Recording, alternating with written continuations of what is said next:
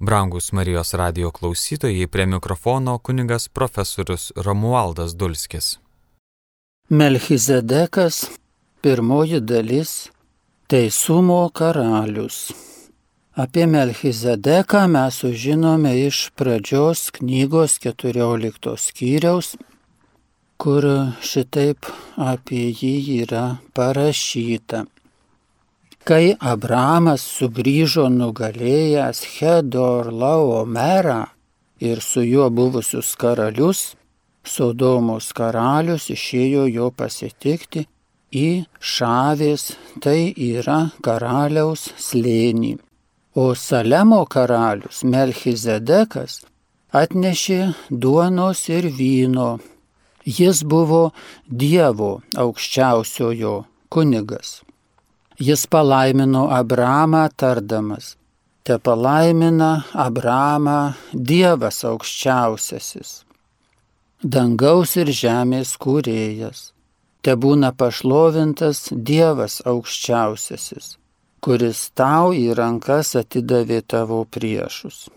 Abramas jam davė nuo visko dešimtinę.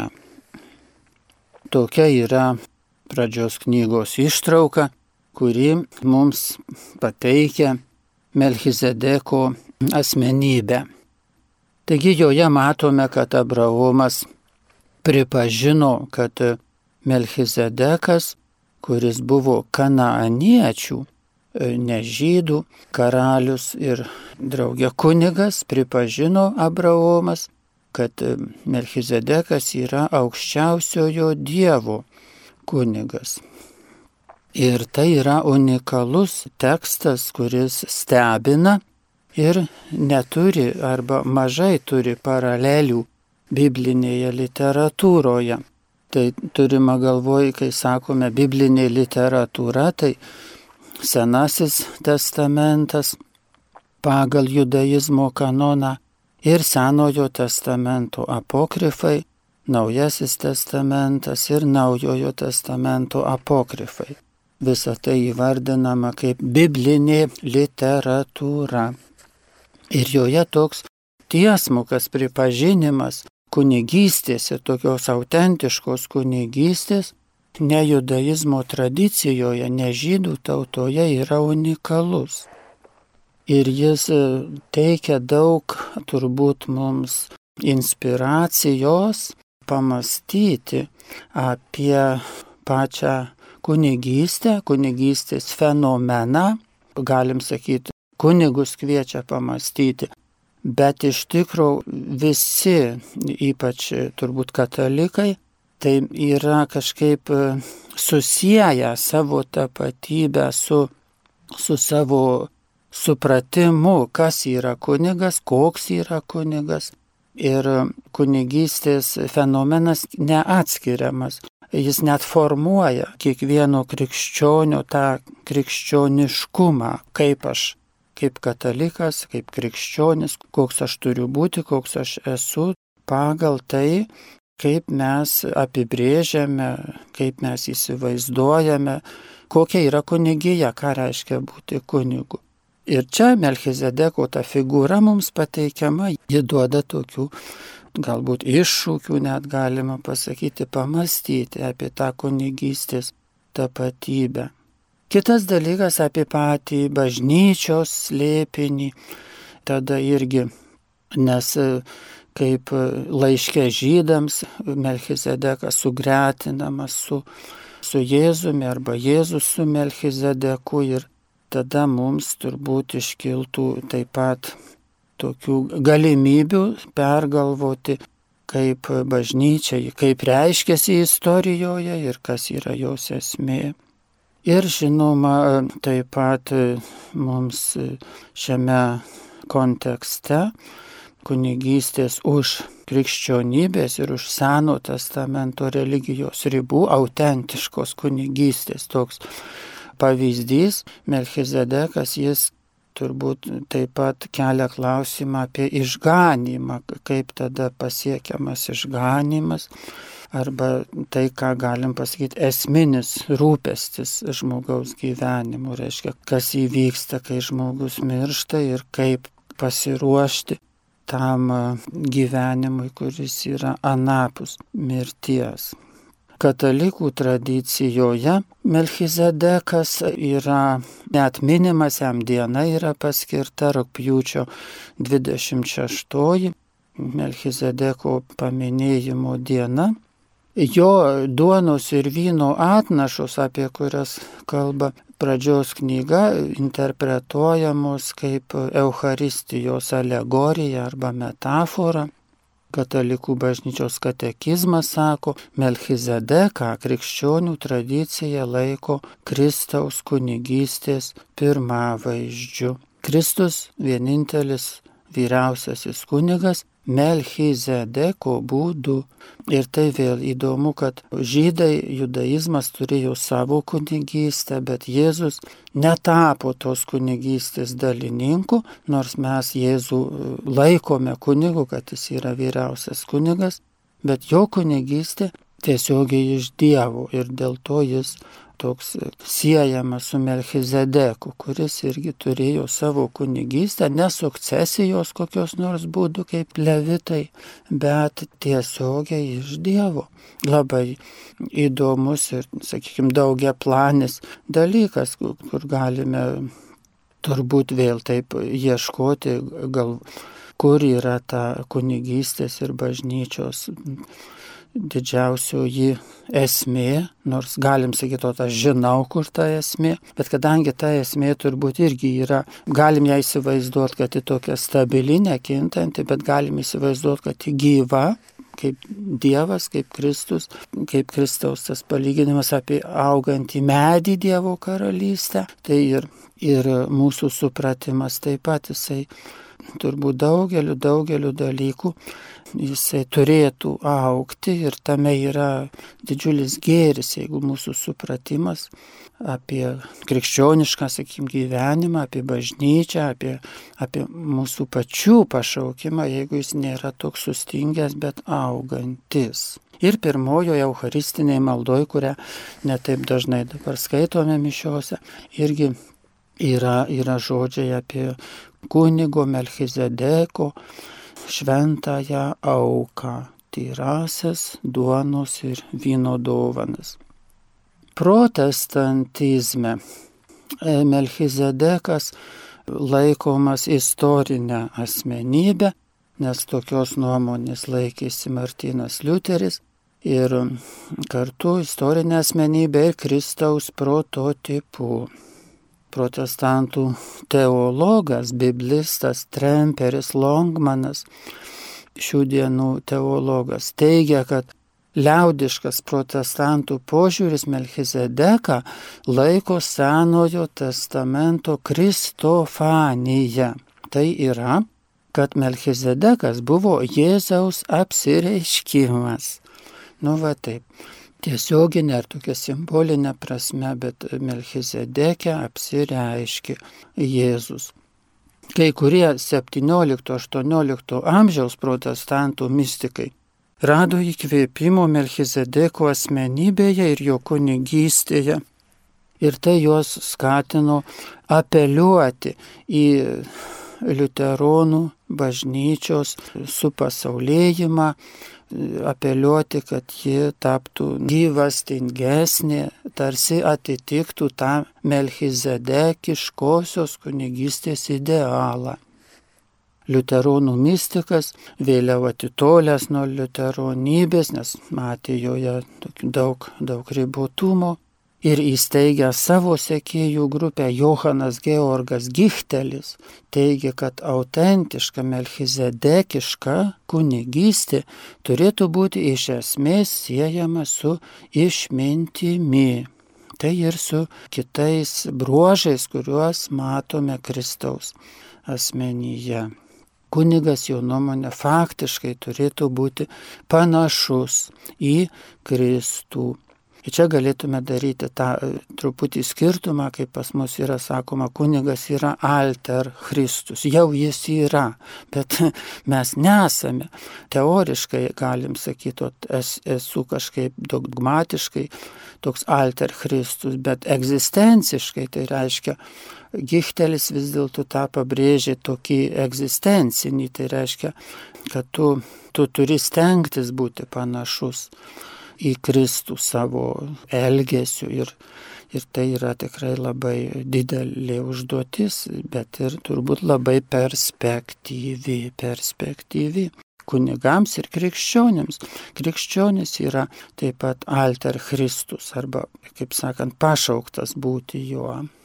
Tai dar vienas protestantų mąstytojas, vertas mums paminėti, Johanas Kristijanas Zaicas, pranašavo, kad ateityje, artėjant laikų pabaigai, bus įsteigta Melchizedekiška kunigystė, tokia kažkokia pilna šventosios dvasios. Ir aišku, mes neturim priimti čia kažkaip, kad čia šimtų procentų tuos pamastymus, ką tie mąstytojai, teologai pasakė, tai ne dėl to apie tai kalbame, bet kad tuose pamastymuose esama kažkokio tai grūdo. Viena kita idėja, kuri kažkaip mus bando turbūt mus pažadinti iš to įprasto tokio nusistovėjusio ir riboto supratimo apie krikščionybę. Taigi visų pirma, Melchizedekas, reikia pasakyti, kad jo vardo reikšmė yra teisumo karalius. Arba kita interpretacija reikšmės, tai mano karalius yra teisumas. Ir štai Melchizedekas kaip teisumo karalius. Nu, labai mums turbūt irgi įdomus. Aišku, kas tas teisumas, jau žinome, suprantame, bet galbūt galėtume tokį tuo požiūriu, tokį rakursą padaryti savo mąstymę, kad teisumas kartu yra tokia asmenybės branda. Ir ta branda matoma, galbūt atsiskleidžia Jėzaus asmenyje, žinoma, tobula žmogaus branda, tobulas teisumas ir kad mes suprastume Melchizedeko teisumą arba tą, į ką mes patys esame kviečiami, mes taip truputį žvilgtelėtume Pažvelkime į, į Jėzų ir trumpai, kad toliau eisime apmastyti Melchizedeko reikšmę mūsų jau arčiau, mūsų gyvenime, mūsų praktinėme gyvenime. Bet galbūt teisumą galėtume pasakyti, kad tai yra gyvenimas tiesoje, kaip Jėzus sakė, aš atėjau, kad liudyčiau tiesą Ir vėl ta tiesa gali būti tokia, nu, nekintanti tiesa, esanti tiesa apie, apie Dievą, sakykime, ar moralinė tiesa nekintanti. Ir kartu, kadangi Dievas yra gyvasis Dievas, tai daug, sakykime, kas aš esu, žmogus gali klausti. Ir tas atsakymas jis gali tobulėti supratimas apie save arba kas yra gyvenimas, tiesa apie gyvenimą. Ir tai yra toks mūsų supratimo raida gali būti. Negalim pasakyti, kad aš jau supratau prieš 10 ar 20 metų, kas yra gyvenimas ir daugiau nebeturiu ką suprasti. Nes tai yra Dievo tiesa ir jis skleidžiasi ir skleidžiasi nepaliaujamai, nes yra begalinė. Tiesa yra begalinė. Ir todėl mes nepaliaujamai jos e, turime ieškoti. Ir ją rasdami mes patys įžengėme į, į kitą asmenybės brandą, į tobulesnį teisumą, jeigu šiuo aspektu kalbame dabar. Aišku, tėvų valios vykdymas, ką Jėzus pasakė, ir kas ta tėvų valia, kaip jis sako, mano maistas vykdyti tėvo valią, tad tėvo valia tai yra mūsų žmonių gyvenimo nauja, platesnė perspektyva kurią žmogui skirta išvysti, suprasti, perspektyva. Vėlgi ta tėvo valia nėra tokia, kad ji lyg užbrėžta ir viskas, ir Ir, nu, kartais taip, arba, arba, arba, kaip sakant, pasirinkimas, arba, arba, tuo momentu, tą dieną. Bet visame gyvenime ta tėvų valia tai irgi turi tokį augimo aspektą, nes mes ir Jėzaus, pavyzdžiui, jo situacijose, kai jį kalbindavo, klausdavo taip ar taip, kaip tu pasakysi. O jis pasako trečiaip, o reiškia, ir mes kartais randam tą Dievo valią atsakydami, reiškia, taip ar ne, į vieną ar į kitą, kaip sakant, pusę atsigręždami, kur manom, kad teisinga, bet kartais gyvendami pamatom, kad dar yra tobulesnis supratimas apie tą tėvų valią ir, ir jis nuolatos keičiasi nepaliaujamai iki pat mūsų šio gyvenimo ribos, tas tėvų valios supratimas. Tai va, ir dabar mes jeigu grįžtume prie šio gyvenimo, kur tas teisumas mūsų gyvenime atsiskleidžia, tai šiandieną galėtume du tokius Jeigu Melchizedeką vadinam teisumo karaliumi, jau labai labai toli nutolusi nuo mūsų laikų ir tokia mitinė asmenybė. Tai čia labai realius du teisumo karalius iš mūsų laikmečio. Šiandieną šiek tiek paanalizuokime sustodami, nes vėl čia tas teisumas jų labai įdomiai atsiskleidžia kasdienybėje. Tai pirmasis yra Francas Jėgeršteteris, kuris buvo Austrijos ūkininkas, šeimos tėvas, pranciškonų tretininkas, herojiškai įgyvendinęs tą visuotinę tikinčiųjų kunigystę teisusis, kurį popiežius Benediktas XVI paskelbė palaimintuoju 2007 metais. Ir apie Fransą Jėgeršteterį yra intriguojančio siužeto vaidybinis filmas, gan, kaip sakant, įdomiai žiūrisi, pavadintas Slaptas gyvenimas, Einferborgenes Leben, originalų kalba arba angliškai A Hidden Life. Vokietijos Amerikos 2019 metų filmas ir jis pasakoja taip gana vaizdingai ir dokumentuotai jo gyvenimą ir sikiu pateikia tą jo vidinės kovas, jo, jo parodo tą jo atsirėmimą į tikėjimą išbandymų momentais.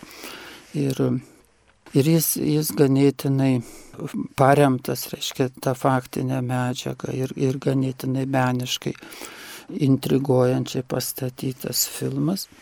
Apie Fransą Jėgerštėterį galime pasakyti, kad jis 1936 metais, kai susituokė su savo žmona Franciska Švaninger, jie du pradėjo tokį krikščionišką intensyvų gyvenimą su malda, krikščioniškų tekstų skaitimu. Ir Francas netrukus tapo pranciškonų tretininku, tapo vietinės bažnyčios zakristijonu, šalia to, kad jis turėjo savo ūkį ir ūkininkavo. Ir jų santuoką Dievas palaimino trimis dukterimis. Ir antrajam pasauliniam karui vykstant, Francas buvo pašauktas į nacistinę Vokietijos kariuomenę. Ir čia prasideda visa tokia krikščioniškojo mm, apsisprendimo įdomybė, kai jis juto, kad krikščioniui nedėra dalyvauti hitlerinėje kariuomenėje. Ir galėtume, žinoma, tai su, susijęti su dabartinėmis aktualijomis. Ir tada Francas e, gavo pašaukimą į kariuomenę, bet juto, kad moraliniu požiūriu nu, yra negerai dalyvauti tame Hitlerio kare, kad yra nuodėminga. Ir Francas kreipėsi patarimo į keletą pažįstamų kunigų. Ne iš vieno negavęs kompetitingo atsakymo, jis nuvyko pas savo viskupijos vyskupą Jozefą Flyserį, Linco vyskupą. Ir šis kaip ir kunigai patarė jam tarnauti nacistinėje kariuomenėje, va taip. Ir tada galėtume va matyti tokią problematiką. Franco Jėgerštėterio, kuris nori gyventi pagal sąžinę, nori gyventi tokį gryną krikščionišką gyvenimą ir neranda atramos kunigijoje ir net savo vyskupų asmenyje, sakytume, jie jam pasako atvirkščiai. Ir galėtume tada klausti tam Melchizedeko teisumo kontekste, kokios pašaukimo sampratos laikėsi tie kunigai ir tas vyskupas. Kaip jie suprato savo kaip kunigų ir kaip krikščionių misiją, kaip jie žvelgia į pasaulį. Ir aišku, Francas Eigerštėteris pateko į, į labai tokią sudėtingą vidinę situaciją. Viduje jam buvo sunku, e, nu tada sunku galutinai turbūt nuspręsti ir sunku tai, kad jis jautė, kad jis turėtų rinktis tą gryną krikščionišką poziciją, nedalyvauti kariuomenėje, bet nerado palaikymo oficialioje bažnyčioje iš tų, kurie turėjo, turėjo jam pasakyti tą tiesą. Jie norėjo nusi, nusiplauti nuo, nuo to, nusi, kažkaip tai. Nu, ir įdomu, kad, reiškia, tas vyskupas Flyseris labai garbingai pabaigė savo gyvenimą po karo, 55 metais po karo buvo apdovanotas didžiuoju auksiniu garbės ženklu už nuopelnus Austrijai. Va taip, už savo tokį neprincipingą ir visiškai, sakytume, nu, tokią nekrikščionišką, aišku, ne už tai apdovanotas, bet tas nekrikščioniškumas E, nu, ko gero, ne tuo vieninteliu atveju e, jo gyvenime pasireiškia. Bet va toks gyvenimas, tokia tikrovė. Ir tada e, Fransas Jėgerštėteris, mūsų būsimasis palaimintasis, jisai vis dėlto daug mąstė, daug meldėsi ir ir, ir pasirinko tą, tai, kas jam atrodė, kad vienintelis teisingas kelias. Ir tada atsisakydamas tarnauti kariuomenėje, atsisakydamas karinės tarnybos, jis pirmiausia įdomu štai vėl dar kas, kad jis patyrė aplinkinių savo to kaimo žmonių spaudimą, savo tėvinainių, kurie jį laikė tėvinės išdaviku kadangi jis nenorėjo tarnauti tam grobuoniškam Hitlerio kare, tai patys tėvynainiai, austrai, jį ėmė labai visai, žinai, niekinti, kad jis bijo gal kariauti arba kad jis tiesiog nėra patriotas, kas buvo aišku absurdiška. Taip pat jo nesuprato net jo artimieji, motina, pusbroliai, kas irgi, nu čia visai mūsų, mūsų laikai, tai viskas yra žinoma, dokumentuoti tie dalykai, tos reakcijos. Ir visi jį skatino, žinai, pasielgti kaip visi, kaip dauguma pasielgti. Vienintelis žmogus, kuris jį suprato ir palaikė, tai buvo jo žmona Franciska. Ir Francas tada buvo dėl savo nuostatos įkalintas, ir jo korespondencija yra išlikusi su jo žmona, kur toj korespondencijoje atsiskleidžia e, nu, tikroji Franco Jėgerštėterio motivacija, gilus jo tikėjimas ir tas ryštas gyventi teisingą e, gyvenimą. Ir kartu jo, tokį, jo sunkumą, nes jis jautėsi labai vienišas reiškia, ta visa jo aplinka buvo prieš, nesuprato geriausiu atveju. Jis, jis, buvo, jis buvo tarsi visiškai vienas. Ir kai tu esi vienas, atrodo, kad tai, nu, turbūt tu klysti, gal tada tu klysti, nes jeigu visi mano kitaip.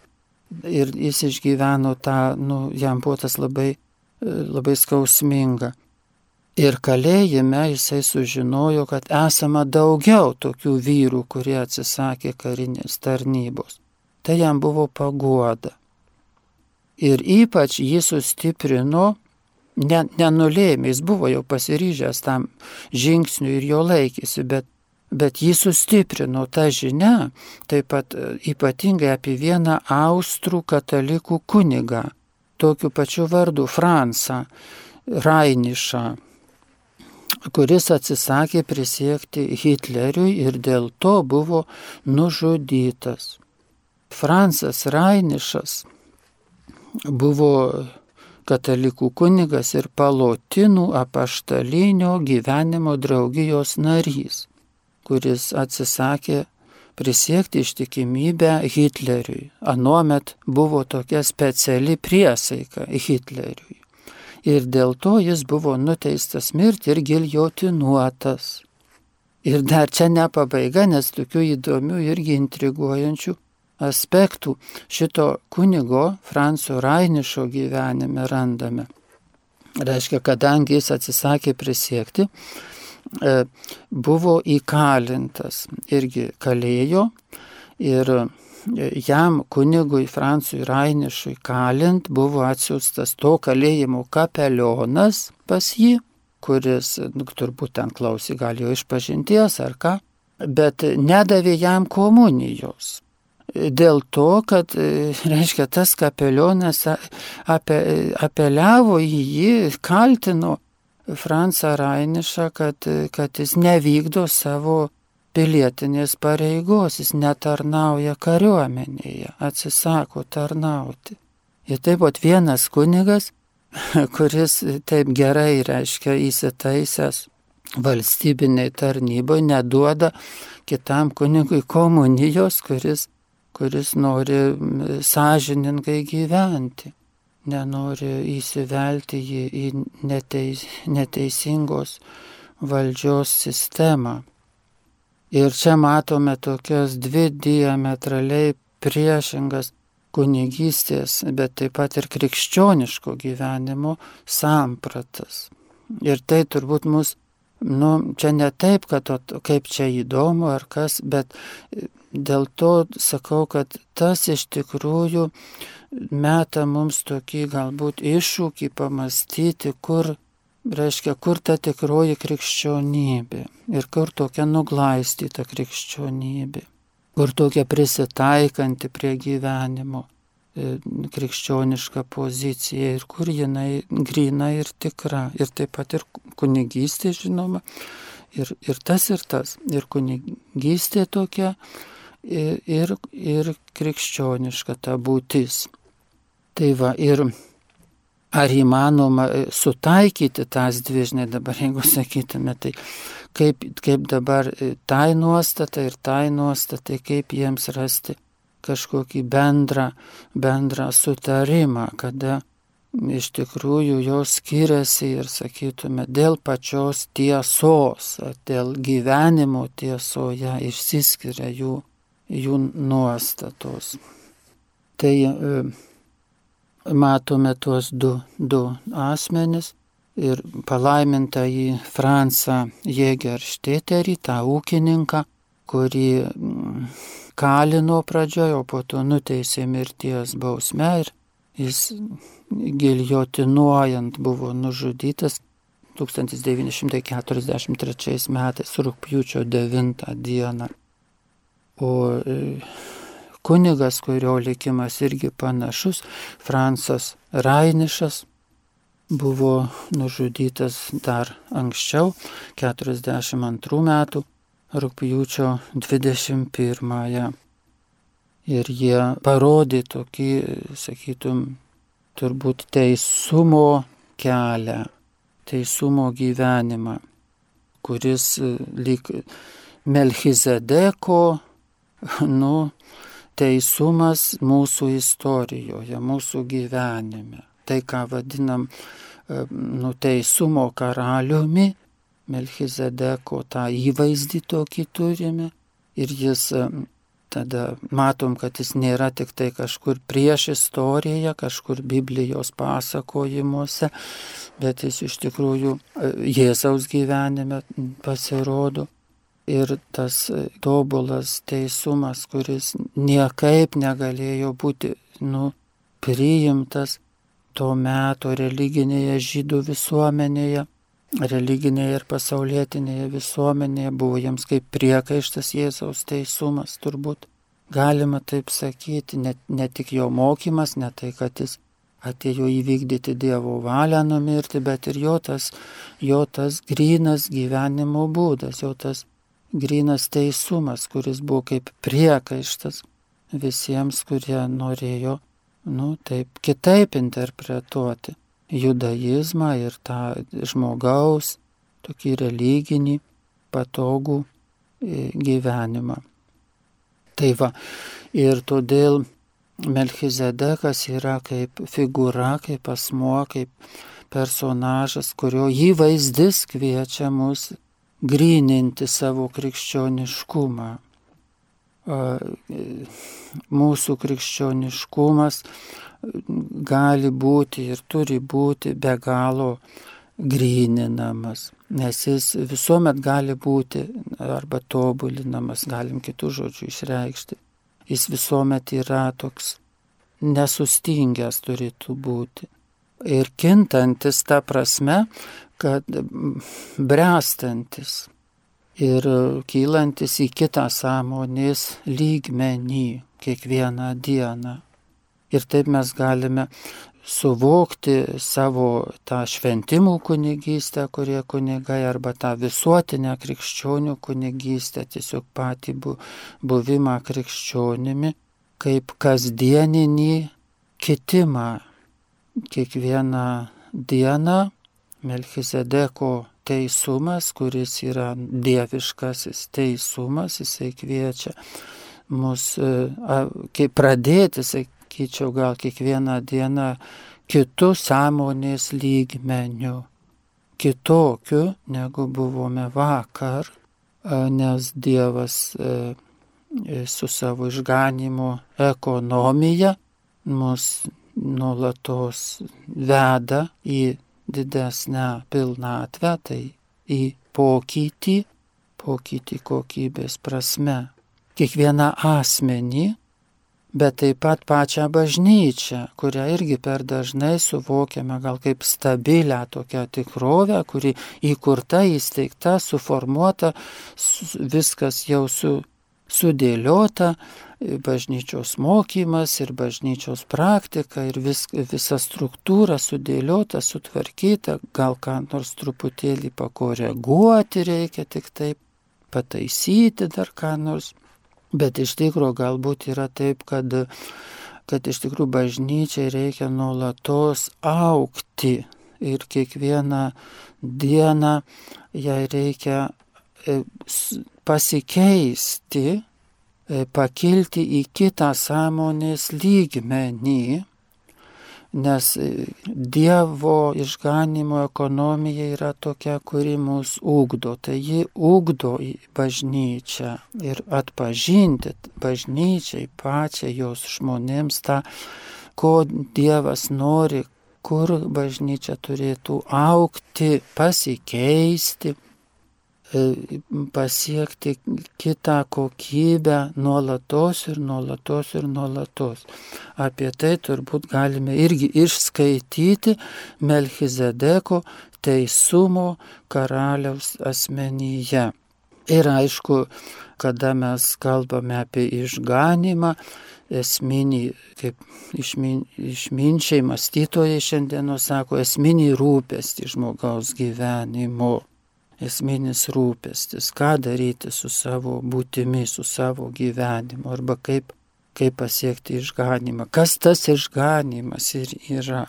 Tai irgi Melchizedeko kaip teisiojo įvaizdis mums irgi yra paskata vėl ir vėl pergalvoti, permastyti, kaip mes suvokiame išganimą, kaip mes jo siekiame, ar, ar mes integruojame tą holistinę asmenybės brandą į šią savoką.